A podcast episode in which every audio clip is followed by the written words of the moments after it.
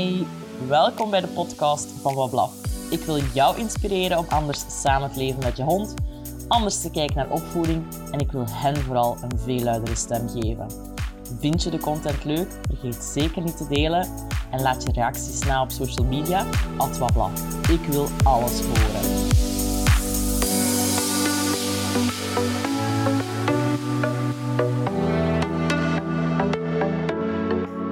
Welkom bij Bewuste Hondenmoeders. Wij gaan het vandaag hebben over jacht en specifiek ook over genetica van honden. Ik heb daarvoor iemand uitgenodigd. Sophie Callens zit bij mij. Hey Sophie. Dag Annelies. Hoi, welkom. Dankjewel. Sophie is eigenares van Honderste Boven. Zij begeleidt pups individueel en in groep en is ook gespecialiseerd in jachttraining voor jonge honden.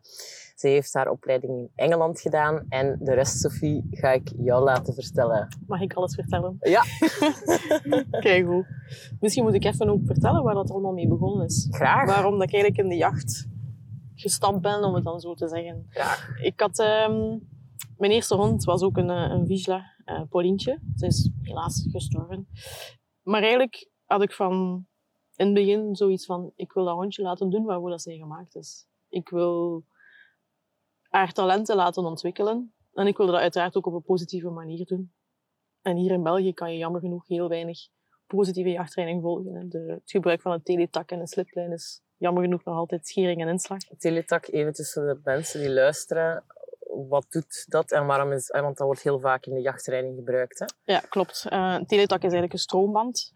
ehm, waarmee dat je dan je hond een beetje op afstand kan bedienen, om het zo te zeggen. Maar het is gebaseerd op een leerprincipe waar dat ik totaal niet achter staat, namelijk het straffen. Hè. Als je hond iets verkeerd doet, of letterlijk te ver zou gaan, dan ga je in het beste geval eerst nog een waarschuwingssignaal geven, en dan vaak een, een piepgeluidje. En als je hond dan nog niet luistert, tussen aanhalingstekens, ja, dan wordt er een, een stroomstootje gegeven. Maar ik ben ervan overtuigd dat je dat eigenlijk niet nodig hebt. Oké. Ik snap waarom dat sommige mensen dat gebruiken. En dat heeft te maken met de angst van mijn hond gaat te ver gaan, mijn hond gaat weglopen. Maar ik weet perfect dat je dat, je dat niet nodig hebt om je hond op een fluitsignaal te leren om te komen. Ja. Dat kan. We hebben natuurlijk het nadeel dat we in een verknipt land wonen. Letterlijk en misschien Letterlijk. ook figuurlijk. Ja, letterlijk. dus natuurlijk, als je hier gaat gaan jagen met je hond, ja, dan is de afstand tot een, tot een baan, tot, tot, tot een autoweg vaak Immens kort. ja. heel kort. En ik snap dat mensen daar dan ook op terugvallen uit angst dat een hond gaat weglopen. Maar anderzijds kun je ook de vraag stellen van oké, als wij dan zo moeten gaan jagen, moeten we dat dan nog wel doen? En ik weet dat ik hier heel veel bagger mee op mijn kop kan krijgen. Ik weet dat. Hè, want natuurlijk, jagen heeft ook wel een, een functioneel doel. Maar die honden moeten daar niet slachtoffer van zijn, Nee, klopt. vind ik. Helemaal mee akkoord. Ja. Dat, is, dat is echt niet nodig. En ehm, je kunt ook even je hond aan de lange lijn houden. Als je op dat moment moet gaan trakken of zo. Dus eigenlijk bij gebrek aan ehm, ja, informatie hier in eigen land, zijn je dan naar Engeland je, opleidingen gaan doen? Ja, dat en met de bedoeling van dat hier in België... Goh, dat was eigenlijk zelfs niet eens mijn initiële insteek. Ik wilde vooral Pauline eh, laten kennismaken met het hele jachtgebeuren. En ik wilde ook veel meer informatie hebben over oké, waarvoor is de jachthond gemaakt? Wat, wat kan je daarvan verwachten? Wat moet je helemaal niet verwachten? Hoe kan ik die beter leren lezen als ze in het veld loopt, als ze losloopt? Ook al mag dat niet. Ehm, dus ja, ik ben in Engeland terechtgekomen ehm, bij Helen Phillips. Ik ben daar denk ik gedurende minstens tien jaar, minstens één keer per jaar naartoe gegaan. Heel veel workshops gevolgd, heel veel informatie opgedaan, heel veel bijgeleerd.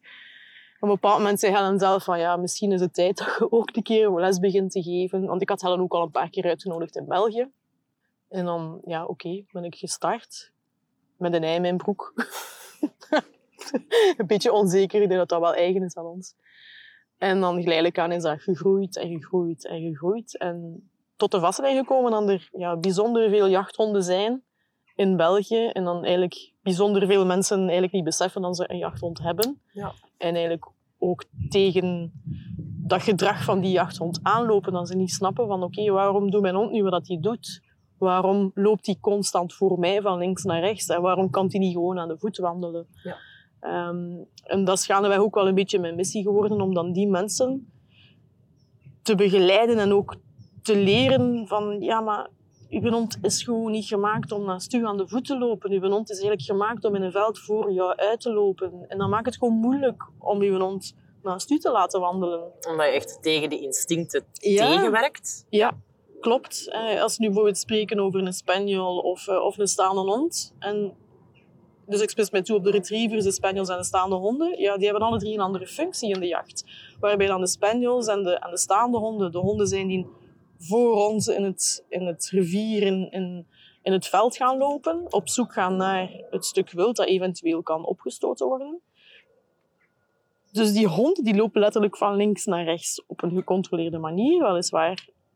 Als je dat niet kent, dat gedrag, dan ziet dat er vaak heel chaotisch uit. Maar Ja. er zit echt wel een structuur in voor die honden. Terwijl dan een retriever, die is echt gemaakt om te wachten, mooi naast u te zitten, te kijken. Ah, er iets geschoten. Oh, Baasje, mag ik gaan? Oké, ja, je mag gaan. Ga maar gaan halen. Maar dat impliceert ook dat die honden genetisch meer aanleg hebben om inderdaad meer naast ons te wandelen als het nodig is. Ja. Terwijl dan een staande hond of, of een spaniel, ja, die denkt ik wil gewoon vooruit lopen. Ik ruik er iets, ik zie hier iets, kom aan, gaan. Welke discussie dat ik vaak voer, Sophie, is ehm, wat voor honden willen we eigenlijk nog in onze samenleving? Ja, want we, zijn, we hebben een, een, heel veel rassen. We hebben dus ook heel veel genetische achtergronden en instincten die we in stand houden door allee, zelf selectief te gaan fokken. Mhm. Maar als ik dan mensen over de vloer krijg, dan voel ik altijd zo'n verwachting van ik wil gewoon een goede huishond. Ja. Terwijl dat wij maar blijven inzetten op al die rassen met toch wel bepaalde instincten die ja. In mijn beleving niet altijd samenpassen met het woordje goede gezinshond. Mhm. Ik geef dan misschien een voorbeeld vanuit de herders, maar als we kijken naar de populaire border collies, de, de Australische herders, heel toffe sociale honden, heel actieve honden ook. Klopt. Maar de moment dat zij dan beginnen eh, fietsers en auto's drijven, dan zitten we met een probleem. Ja. En toch blijven die rassen Ja. heel hard fokken, omdat het zijn leuke honden natuurlijk. Ja. Maar ik voel uw passie zeker voor de jachthonden, maar dan ligt de discussie bij mij al snel op tafel van Waarom? waarom blijven die rassen of die instincten, ja, blijven die in leven houden of blijven die echt doorfokken?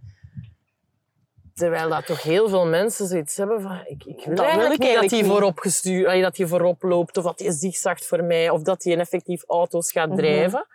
Maar ik, ik denk dat dat een van de problemen is, dat de mensen niet meer weten wat dan de instincten zijn van een bepaald ras. Ja. Ze kopen nog altijd, jammer genoeg, heel vaak een ras omdat het mooi is, omdat het niet te groot is, omdat het niet te veel haar heeft of niet te veel haar verliest, omdat het gemakkelijk mee te nemen is, omdat ze populair zijn. En bijvoorbeeld, een, ja, Paulientje zou dit jaar, eh even rekenen, eh, 14 jaar geworden zijn. 14 jaar geleden zag je geen Vizslas. Nee, Amper. klopt. Amper. Klopt. En nu, wij wonen hier, bij wijze van spreken, in, in een boerengat. En er zijn er, met Pippa erbij, zijn we al met twee in de straat. Dat is, dat is ongelooflijk. Ja. Die, zijn, die zijn ook zo populair geworden. Waarom? Dat zou je denk ik aan de, aan de doorsnee eigenaar van een Vizsla moeten vragen. Zal films en social media ook wel iets mee te maken Tuurlijk, hebben? reclames waarin dan de Vizslas gebruikt worden, absoluut. Maar de mensen staan bij de aankoop van een hond, staan ze niet stil bij wat koop ik echt aan? Wat, wat ga ik in mijn huis Wie, verwelkomen? Wie? Nee, je hebt, echt, je hebt 100% gelijk. Het is een beetje een vuil woord. En Ja, wat? Wie, wie, wie neem ik in huis? Wie wil ik een huis geven? En dat weten de mensen niet meer. Ze zien alleen maar inderdaad het mooie. En na een paar maanden denken ze van... Oeh, is toch wel pittig. Ja. Wat komt hier allemaal naar boven? Oh, heeft een duif gevangen. Alhoewel dat, dat niet de initiële taak is van een jachthond waarmee dat ik werk. Maar ja, dat kan, hè. Zeggen als mensen dan zeggen van, ja, maar ja, jachttraining allemaal goed en wel, maar ik wil dat gedrag eigenlijk niet stimuleren van mijn jachthond. Ja, ja, dan moet ik een keer hard lachen. Hè. Ik vind dat zeer hautain bijna om te zeggen van ik wil, het, ik wil mijn hond niet nog meer leren jagen. Want dan denk ik, uw hond weet hoe dat hij moet jagen hoor. Echt waar. Wij weten niet hoe dat we moeten jagen. Uw hond weet het wel. Vroeg of laat komt dat eruit, dat instinct. En uiteraard, hè, dat, bij de ene hond zal dat er wat meer in zitten dan bij de andere hond. Je hebt nog altijd inderdaad fokkers die wat meer fokken op het effectieve jagen, op, het, op diegenen die nog wat sterker naar voren mogen komen. Je hebt ook bij die net zoals in andere lijnen, hè, of andere rassen meer gaan, jagen, eh, sorry, meer gaan fokken op, eh, op de schoonheid. Het zit erin hoor. Dat is niet iets wat dat we nu op één generatie eruit gaan kunnen fokken. Dat kan niet.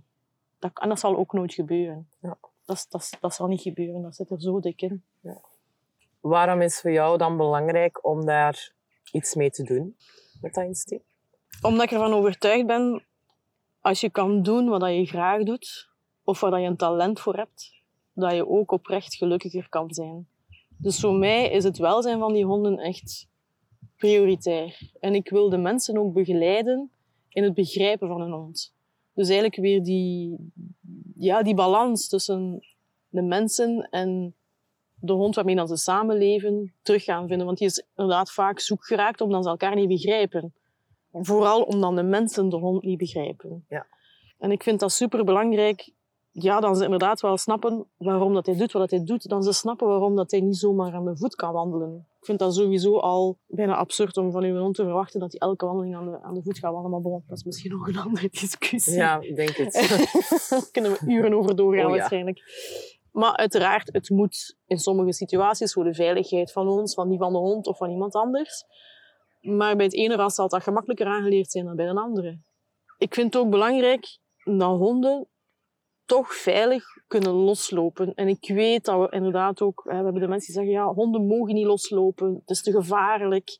In sommige gevallen zal dat zo zijn. Hè. De hond zal zichzelf in gevaar kunnen brengen of hij kan zijn omgeving in gevaar brengen. Volledig mee akkoord. Maar er zijn ook honden die het wel zouden kunnen en die het ook nodig hebben voor hun welzijn. Ik ben ervan overtuigd, kan ik misschien weer veel bagger over mij krijgen, maar ik ben er echt van overtuigd als alle soorten rassen veel meer kunnen doen waarvoor dan ze gemaakt zijn, ook veel meer gewoon los kunnen lopen, echte pootjes kunnen strekken, dan er veel minder frustraties zouden zijn bij de honden en dan ze veel minder in het asiel zouden belanden. Als de mensen echt zouden snappen, ik heb zo'n hond, dat hondje heeft die instincten, die wil eigenlijk heel graag dat doen, daar moet ik misschien wel mee aan de slag gaan, want anders krijg je frustratie. Dat is logisch. Stel dat ik een enorme drang voel om, ik zeg maar, piano te spelen, omdat ik ergens voel van dat zit te borrelen, dat spreekt mij aan, ik luister veel naar muziek. Hè. Maar ik krijg dat niet. Om god weet welke reden, dan dan geraakt hij gefrustreerd. Het is een beetje Dat dat wij naar loopbaancoaching gaan, hè, Sophie. Ja? Om te gaan ontdekken wat onze talenten Voilà. zijn. We weten dat maar al te goed waar dat onze talenten liggen, maar we hebben dan wel iemand anders nodig om dat even ehm, toe te lichten. En die ons dan gaat wijzen op, maar doe daar iets mee met die Voilà. talenten. Want daar ligt uw energie, daar ligt uw blijdschap, daar ligt uw vrolijkheid, daar ligt uw, Klopt. daar ligt uw, Klopt. uw zijn eigenlijk. Klopt. En ik denk dat iedereen ook niet liever wil dan gewoon in balans te kunnen leven samen met die hond. Maar je moet daar wel je eigen verwachtingen weer voor opzij durven en willen zetten. En durven en willen inzien waar, waarvoor dat jouw hond gemaakt is. Is het dan niet eerder in plaats van die hond echt, echt proberen grijp- begrijpen, is dan ook niet eerder ehm uw verwachtingen daar weer beter tegenover te proberen zetten of zo? Dat, doordat je meer inzicht krijgt van oké, ik, ik kom met mijn hond op, op jachttraining, ik, ik je leert meer over die instincten die hij heeft, maar ook wat dat hij fijn vindt en niet fijn vindt. Want ik ben er zeker, allee, ik ben ervan overtuigd dat er waarschijnlijk ook wel jachthonden zijn. Of bijvoorbeeld retrievers zijn die niet graag zwemmen, of jachthonden die niet. hè. absoluut, absoluut. Ehm, dat je op die manier elkaar beter leert kennen, maar dat je dan inderdaad daardoor ja, samen plezier leert beleven dat je elkaar ook gewoon leert aanvaarden. en het gunt van jij moet je talenten inzetten en andersom. Ja, absoluut. En nog een keer, hè, er zijn honden die, die meer aanleg hebben om bepaalde oefeningen te doen of die meer jachtaanleg hebben dan andere honden. Maar dan is het aan ons om, om inderdaad te ontdekken wat vind jij tof en wat vind jij niet tof. Ja. Vind je dat tof? Oké, dan gaan we een beetje meer van dat doen. Vind je dat niet tof? Ja, dat is prima. Dus het is eigenlijk weer geen doel op zich dat de hond kan of leert jagen, Nee. maar het gaat over het proces of, of ja, de jachttraining als, als middel te gebruiken om ja, een samenwerking tussen twee, tussen hond en, en, en, en, En hondenouder echt te Ja. gaan ontdekken, stimuleren. Dat is dan eigenlijk de bedoeling Ja. van jouw training. Het is alsof dat je je kind gaat leren kennen. Maar ik denk, we hebben nu zelf geen kinderen, maar ik denk dat je bij kinderen net iets meer tijd hebt. Dat dat wat trager gaat. En we weten allemaal dat de ontwikkeling van een pup, dat Ja. gaat super snel, soms te snel. Allee, voor ons om te volgen. Ja, dus als hondenouder word je soms denk ik overspoeld door alles wat dat je pup of je hond toont, vertoont en kan je het niet altijd gemakkelijk plaatsen. Ja. Waardoor dat je misschien gefrustreerd geraakt of ontmoedigd of denkt van oei, ik heb hier een, een, een, ab- een abnormale hond of een abnormale pup of, of wat moet ik hier nu mee doen? Eh, Ja, het gaat zo razendsnel. ja, En, en het, heeft ook zijn, het heeft zijn voor- en zijn nadelen natuurlijk. Maar ik denk ook een van de nadelen is ehm, het feit dat, dat we dan weer heel snel volwassen hondengedragingen proberen te projecteren op die jonge pups of, of die, jonge, die jonge pubers. Terwijl dat, ze zijn zelf hun talenten aan het ontwikkelen, aan het ontdekken. Wij moeten daar zo wat mee in, in die zoektocht, denk ik dan. Dat is het. En vaak als je, als je een hond opneemt in je gezin, dan hebben de mensen al een idee van, dat wil ik doen. Dat moet hij kunnen. Dus gelijk dat je zelf aangeeft, ze zitten al met het idee en een beeld van een volwassen hond in hun hoofd. Maar ze beseffen niet dat er daar nog minstens een jaar, een jaar en een half, twee jaar soms over moet gaan. Waarbij dan ze tegen heel veel zaken zullen botsen. Dan denk ik van, oh jeetje, wat is Ja. dat hier? Deze heb ik nu nog nooit meegemaakt. Maar als je snapt dat dat een deel uitmaakt, één, van het proces, het groeiproces van je hond, van je pup, en een deel uitmaakt van de genen van die hond, ja, dan kan er wel een keer een aha-moment ontstaan. Waardoor dat er ook meer empathie kan komen voor die hond en die pup. En waardoor je die ook gemakkelijker kan begeleiden. ehm, waardoor je jezelf ook misschien wat rustiger gaat voelen. Ja, eigenlijk sneller kan loslaten. Ja, Ja. het is eigenlijk wel normaal wat hij doet, want ik snap waarom dat hij dat doet. Ja. En ik heb me inderdaad toegespitst op die jachthonden, maar ik ben ervan overtuigd dat dat hetzelfde geldt voor, voor de andere rasgroepen. Ja. Voor, voor de herders, voor, voor, voor, de, voor de terriers. Voor, ai. Waarom is voor jou, of misschien moet ik het anders vragen, ehm, welke rol speelt genetica voor u en voor, voor, voor het werk dat je doet? Allee, je hebt het nu al een paar keer Mhm. benoemd. Hè. Is dat iets waar dat we meer rekening mee moeten houden? Is dat iets waar dat we... Absoluut. Ik vind van wel. En ik denk dat daar wel een grote rol voor ons ook, als mensenbegeleider, hondenbegeleider, hoe dat je het woord ook wilt benoemen, een hele grote rol is in weggelegd. Maar ook voor de, voor de mensen die, die pupjes fokken. Ik vind dat een heel lelijk woord. Ik vind dat een vuil Ja, woord, omdat dat zo plat klinkt. Ja, maar het is de realiteit. Dus, ja. het, het, het, het laten geboren worden van puppietjes is misschien iets, iets zachter uitgedrukt. Maar het is ook aan hen om te zeggen van kijk, je koopt bijvoorbeeld een labradoodle. Die zijn enorm populair. En ik snap waarom. Want ze zijn super schattig en het zijn ook echt wel toffe hondjes. Maar labradoodle, wat zit daarin? Een labrador en een poedel. En dan zullen mensen zeggen, maar ja, maar Sophie, daar zitten nog een paar andere rassen ook in. Akkoord. Maar een labrador is een jachthond en een poedel is een jachthond. Als ik dan tegen die mensen zeg van, ah, je hebt een jachthond, dan krijg ik heel vaak de reactie van, oeh, ik heb een jachthond. En soms komt daar zo wel wat een paniek bij te kijken, van oei, oei, een jachthond, dat heb ik helemaal niet gewild. Wat moet ik mij aan verwachten? En het is dat dat jammer is, want de verwachtingen die mensen hebben, die moeten ze misschien Al meteen helemaal- gaan bijsturen. Ja, gaan bijsturen. Dus ik, ik zeg het Ze, komen misschien dan, ze moeten dan misschien van verder komen als ze geen rekening houden met die genetica. Is dat wat je wil zeggen? Ja, en misschien kan er dan ook een soort van verdriet of ontgoocheling in ontstaan, Mhm. wat dat op zich niet echt nodig zou moeten zijn.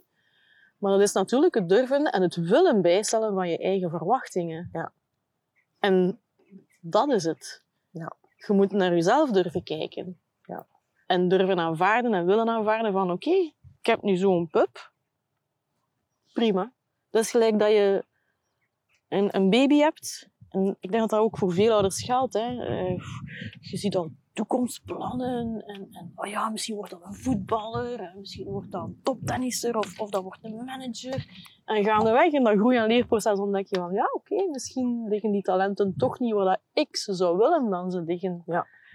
Het is een beetje hetzelfde verhaal. Maar dan moet je als ouder ook durven en willen inzien van... Tja, mijn, mijn kind heeft precies wel andere talenten. Ja. Misschien moet ik toch meegaan in die talenten. Geldt het ook niet een beetje andersom? Ik wil nu het eh, heel stout voorbeeld aanhalen Mhm. van de typische, ja, een eigen mechelaar hebbende, maar van, van de mechelaars. Genetisch gezien, ja, herdershonden eh, worden in, in de, het waken ingezet, worden Mhm. voor verdedigingswerk ingezet. Mhm. eh, worden voor zoekwerk ingezet ook. De mythe die ik heel vaak, of waar ik heel vaak mee geconfronteerd word bij, bij, bij, bij Mechelse herders, ook bij Duitse herders, ze moeten werken, anders zijn ze niet gelukkig. Mhm. Dus op basis van hun talent is Ja. werken samen moeten, met moeten. een persoon. Ehm, daar liggen hun talenten in. Is dat dan ook niet echt een valkuil dat mensen daar te veel in gaan doen? Van, ja, maar ja, dat is een mechelaar. Ik moet daar wel echt moet, ja, maar ja, veel mee, mee aan de dat is een beetje slag te gaan. vergelijkbaar met de mythe. Je hebt een jachthond. Een jachthond die moet lopen, hè. Die moet twee, drie uur per dag gaan lopen. Ja. Dan denk ik, oh jee. Het, blijft ook een pupje dat gevoelig is. Of het blijft evengoed een volwassen hond die niet alle prikkels op tijd en stond kan verwerken. En dat zal met een mechelaar zo zijn, dat zal met een terrier zo zijn. Op zich maakt dat niet uit. Je moet juist niks. Wat dat je wel kunt doen, is gaan exploreren wat dat jouw hond leuk vindt. En daar kan je wel mee aan de slag gaan. Maar van zodra dat jouw hond aangeeft van... Ik wil ik helemaal niet, om het voorbeeld te geven van de mechelaar, in die mouw gaan bijten. Ik heb ik geen goesting om hier een spoor uit te werken van, van een half uur lang. Zeg, mannetjes, ik wil gewoon een beetje een putteke graven en, en, en gewoon op die manier mijn neus gebruiken. Dat kan. Je moogt gaan exploreren waar dan die talenten liggen. Want een kind kan tegen u zeggen, hè, oh mama, ik wil dit doen. Papa, ik zou eigenlijk graag eh, balletlessen volgen. Of ik zou graag naar de scouts gaan. Die kunnen dat zeggen. De hond zal het ons ook zeggen. Alleen, ja, wij zijn menselijke communicatie gewoon. Hè. Ja. Het is veel moeilijker om inderdaad gedrag te gaan interpreteren van een andere soort dan die van uw eigen soort. Maar daarvoor hebben we natuurlijk de mensen die je daarbij kunnen begeleiden. Is het dan ook, Lies gaf het, gaf het ook al aan in, in, in de podcast, dat honden soms ook zelf over hun grenzen gaan in iets wat dat zij eigenlijk wel leuk vinden, maar doordat zij dan misschien die druk voelen van ons uit, van jij moet, moet nu presteren. presteren, dat zij dan ook in de jacht over hun grenzen gaan, dan is het misschien Ja. wat moeilijker voor mensen om dat te gaan zien. Oh, kijk, hij vindt het leuk. Absoluut. Maar Absoluut. eigenlijk is hij gewoon om ons te pleasen of omwille Mm. van een beloning toch zijn grenzen aan het... Aan het... Voorbeeld dat ik in gedachten heb is inderdaad eh, die jachthond die... Boah, die loopt in een veld, fazantjes, haasjes. Ja. En zijn koppetje explodeert. Ja. Omdat hij inderdaad wel met die prikkels in contact komt die hij leuk vindt. Ja. Maar ik kan niet meer terugschakelen. En dan, dan wordt het ook gevaarlijk. Want die honden zijn in een hoge emotionele staat. Ja. Die kunnen moeilijker nog nadenken. Dat is ook een beetje wat ik tegenaan loop. Een goede jachthond, dat moet boeren zitten. Ja. Die moet gaan. Die moet door alles gaan. Die moet over peken lopen, die moet over een veld lopen. Pff, Weet je, een goede jachthond, naar mijn mening, die kan schakelen. Die kan inderdaad tuk, tuk, tuk, spoortje. Die kan ook terugschakelen. Die kan nog altijd in het rationele denken. En daar zit ook, denk ik, een, een grote taak voor de mensen die pupjes op de wereld brengen, die jachtpupjes op de wereld brengen. De jachthond moet niet alleen maar, wil ik dan zo zeggen, driftig zijn. Ja. Die honden verliezen zich ook in hun talenten. Ja. Maar die kunnen zich zodanig verliezen, waardoor dan ze zichzelf in gevaar brengen. Absoluut. Prikkeldraad doorlopen, up, een oog kwijt, eh, een buik die open ligt. Allee, het zou niet de eerste keer zijn dat dat gebeurt. Honden die toch te ver doorlopen tijdens de jacht en zo op de baan terechtkomen. Ja, voor sommige mensen zijn dat dan goede jachthonden, want die vinden alles en die blijven zoeken. Maar naar mijn mening zijn dat niet de beste jachthonden Het komt toch om, eigenlijk... om te werken. Hè? Om Ja. in het veld op een veilige manier in het veld te brengen. Het komt toch elke keer weer terug. Hè? Dat is, het, het gaat echt over, over evenwicht vinden. Hè? Dus ja. Ja. je talenten inzetten, Ja. daar moeten we voor gaan. Maar ook zelfs in die talenten is het voor elk levend wezen belangrijk om, om zelf je grenzen te kunnen hebben, om evenwicht te vinden in plezier en, en, en wanneer dat het eigenlijk overspannend wordt en dat je Ja. zelf verliest. Voilà. En dan heb je iemand nodig die je helpt om jezelf niet te verliezen. Dat is dan die co-regulatie waar dat David het over had. Hè. Je hebt zo'n momenten, hebben, hebben, hebben mensen en, en honden ook nood aan co-regulatie. Ja. Ik kan het even zelf niet. Voilà. En dan is, is, die, is die partner daar, of, of Klopt. hè, die Dat- dat hondenouder, doen we- of, om dat- echt mee te gaan co-reguleren. Dat doen we met pupjes ook. Hè. Als we merken, oei, dat pupje kan heel moeilijk zijn rust vinden, kan heel moeilijk zelf, zichzelf tot slapen brengen. Ja, die gaan we helpen. Hè. Die gaan we even in een puppyrennetje zetten. Klinkt niet heel plat, maar gewoon begrenzen. Zeg van, nu ga je slapen en eventueel helpen door ze iets aan te bieden om te kauwen. En zelf op heel regelmatige tijdstippen we initiatief de, nemen. het toetje in ons kindjes Voilà. in mond steken. Voilà, Kom aan, is- even, even ontspannen, even, even jongens. terugschakelen, Ja. even op de rem gaan staan. Ja. Klopt. Maar weer hetzelfde, hè. je moet die signalen leren herkennen. En je kunt ze misschien wel herkennen, maar je moet ze ook willen herkennen, willen aanvaarden. En er dan op de juiste manier ja, mee omgaan, je, je hond op de juiste manier gaan begeleiden. Ja. Wat kunnen mensen nu verwachten als ze bij jou op jachttraining komen? Ze gaan in eerste instantie leren waarvoor dat een hond gemaakt is. Waardoor dat er ook weer meer begrip zal zijn. We gaan uiteraard aan de slag met een aantal oefeningen. En Dus standaard zit daar bijvoorbeeld het komen op een fluitsignaal in. Het leren keren, het stoppen, het apporteren, het dirigeren. Dat zijn leuke oefeningen om, om samen met je hond te doen. En basically start iedereen, als je inschrijft voor de beginners natuurlijk, start iedereen met dezelfde oefeningen. Maar gaandeweg is er wel een differentiatie. En er zijn mensen die het, het, het trainingsaspect iets gemakkelijker onder de knie hebben, die daar wat meer aanleg ook voor hebben. Je hebt honden die de ene oefening wat makkelijker en sneller aanleren dan andere oefeningen. Dus ik ga ook heel snel, als nodig is, gaan differentiëren. Dus dat wil zeggen, ik ga die mensen bijvoorbeeld die tip geven voor die oefening. En andere mensen krijgen dan weer een andere tip. Ja. Dus ik ga echt wel tijdens de groepsles nog altijd heel erg individueel gaan inzetten. Ja. Dus ik ga niet iedereen op dezelfde kant scheren. Dat kan ook niet. Het is, het is ja, zoals we al gezegd hebben, het- dat is het klassieke schoolsysteem en dat marcheert niet. Dat kan voor sommige mensen marcheren. Voor sommige honden zal dat ook marcheren. Maar voor, voor veel individuen werkt dat gewoon niet. En ik vind dat ook belangrijk dat mensen niet ontmoedigd geraken door te zien wat dat de hond naast hen al kan of doet. Ja. Ik wil aan de mensen plezier maken. Ik wil ook dat ze uiteraard leren kijken naar hun hond en dan ze op tijd en stond zelf terugschakelen. Mensen zijn verplicht bij mij om pauze te nemen. En in het begin Te moet ik vertragen, jongens. ja, om te vertragen. En in het begin moet ik, moet ik, gelijk dat ik zeg, moet ik ze verplichten. Ja. Dan zie ik de mensen een half uur, drie kwartier doorgaan. Dan zeg ik, nu gaat u allemaal neerzetten. Ze krijgen allemaal een krukje. Je gaat u neerzetten en je geeft je een hond iets om te kauwen. En dan vaak hebben de mensen iets van, ja maar Arie, we zijn hier wel, hè. we zijn hier wel om te oefenen, hè. we zijn hier wel om dingen te leren. Maar dat leren, dat gebeurt ook terwijl dat je zogezegd niks aan het doen bent. Gewoon kijken naar andere mensen, kijken naar andere honden. Informatie verzamelen, die verwerken. Dat is ook zoiets. Hè. Ze, ze doen een oefening. Ah, het gaat niet zo goed. Ja, oké, dan zeg ik, laat het even bezinken. Ja, het gaat over het proces uiteindelijk. Ja. hè. Het gaat niet over die ene oefening. hè. Nee, voilà. mensen denken vaak van, ja, de hond doet niet goed. Niet, maar uw lichaam moet daarover nadenken. Uw hoofd moet daarover nadenken. En vaak zie je dan, en ze hebben vijf minuutjes pauze genomen. Ah ja, ah, het lukt. Natuurlijk lukt het. Niet altijd, natuurlijk, maar het gaat al een stukje beter. Ze hebben weer een stukje meer onder de knie. En de dingen die je dan ziet gebeuren, het plezier dat je de mensen ziet maken, dat vind ik echt magisch. Ik vind het ook heel mooi, Sophie, dat je training op zo'n manier gaat installeren dat het bijdraagt aan een, aan een, aan een leuke tijd samen, aan een, aan een betere relatie met elkaar. Ja, moest er, eh, moest er op die manier meer getraind worden Ja, met mens en hond, dan zouden we denk ik al een, heel, Stap een verder. hele stap verder zijn. dat is... Ehm, dat gezegd zijnde, ik denk dat je geen aantal instructeurs gaat opleiden binnenkort. Ja, daar is echt wel nood aan, hè. dat, dat is echt ook gewoon... Het is al een oproep aan, de, aan collega's die luisteren. Sophie gaat de, de instructeurscursus Bel voor jachttrainers. Ja.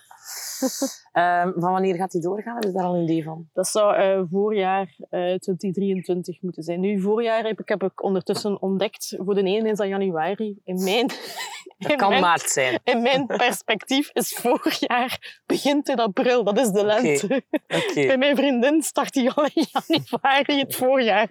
Dat zal het niet zijn. En het wordt ook wel een, ehm, een vrij diepgaande cursus. Ik ga ook echt een aantal experten eh, uitnodigen, omdat ik vind dat ik moet warm water niet meer uitvinden. Ehm, Laat de expertise bij de juiste experten. En, voilà, ja. voilà. en voor eh, mensen die, die niet in het instructeurswereldje willen stappen of niet, niet in onze job willen stappen.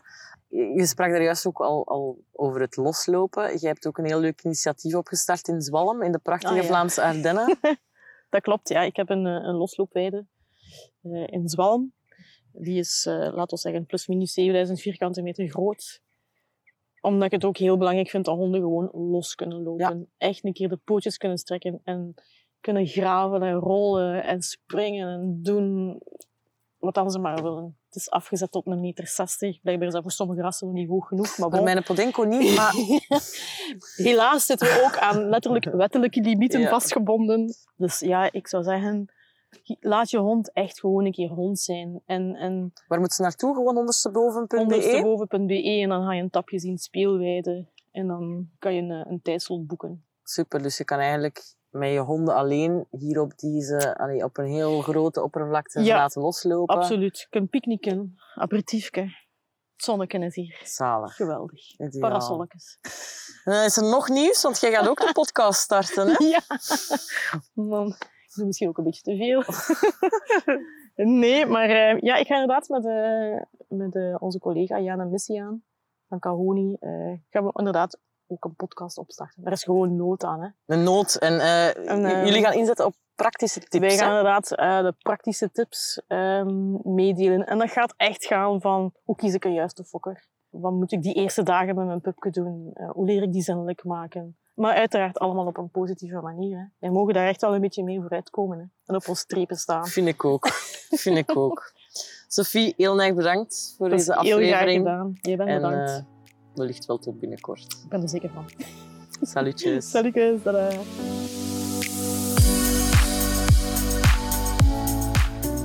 Bedankt om te luisteren. Nu nog iets meer naar onze honden en dan zijn we op weg naar een betere wereld. Salut!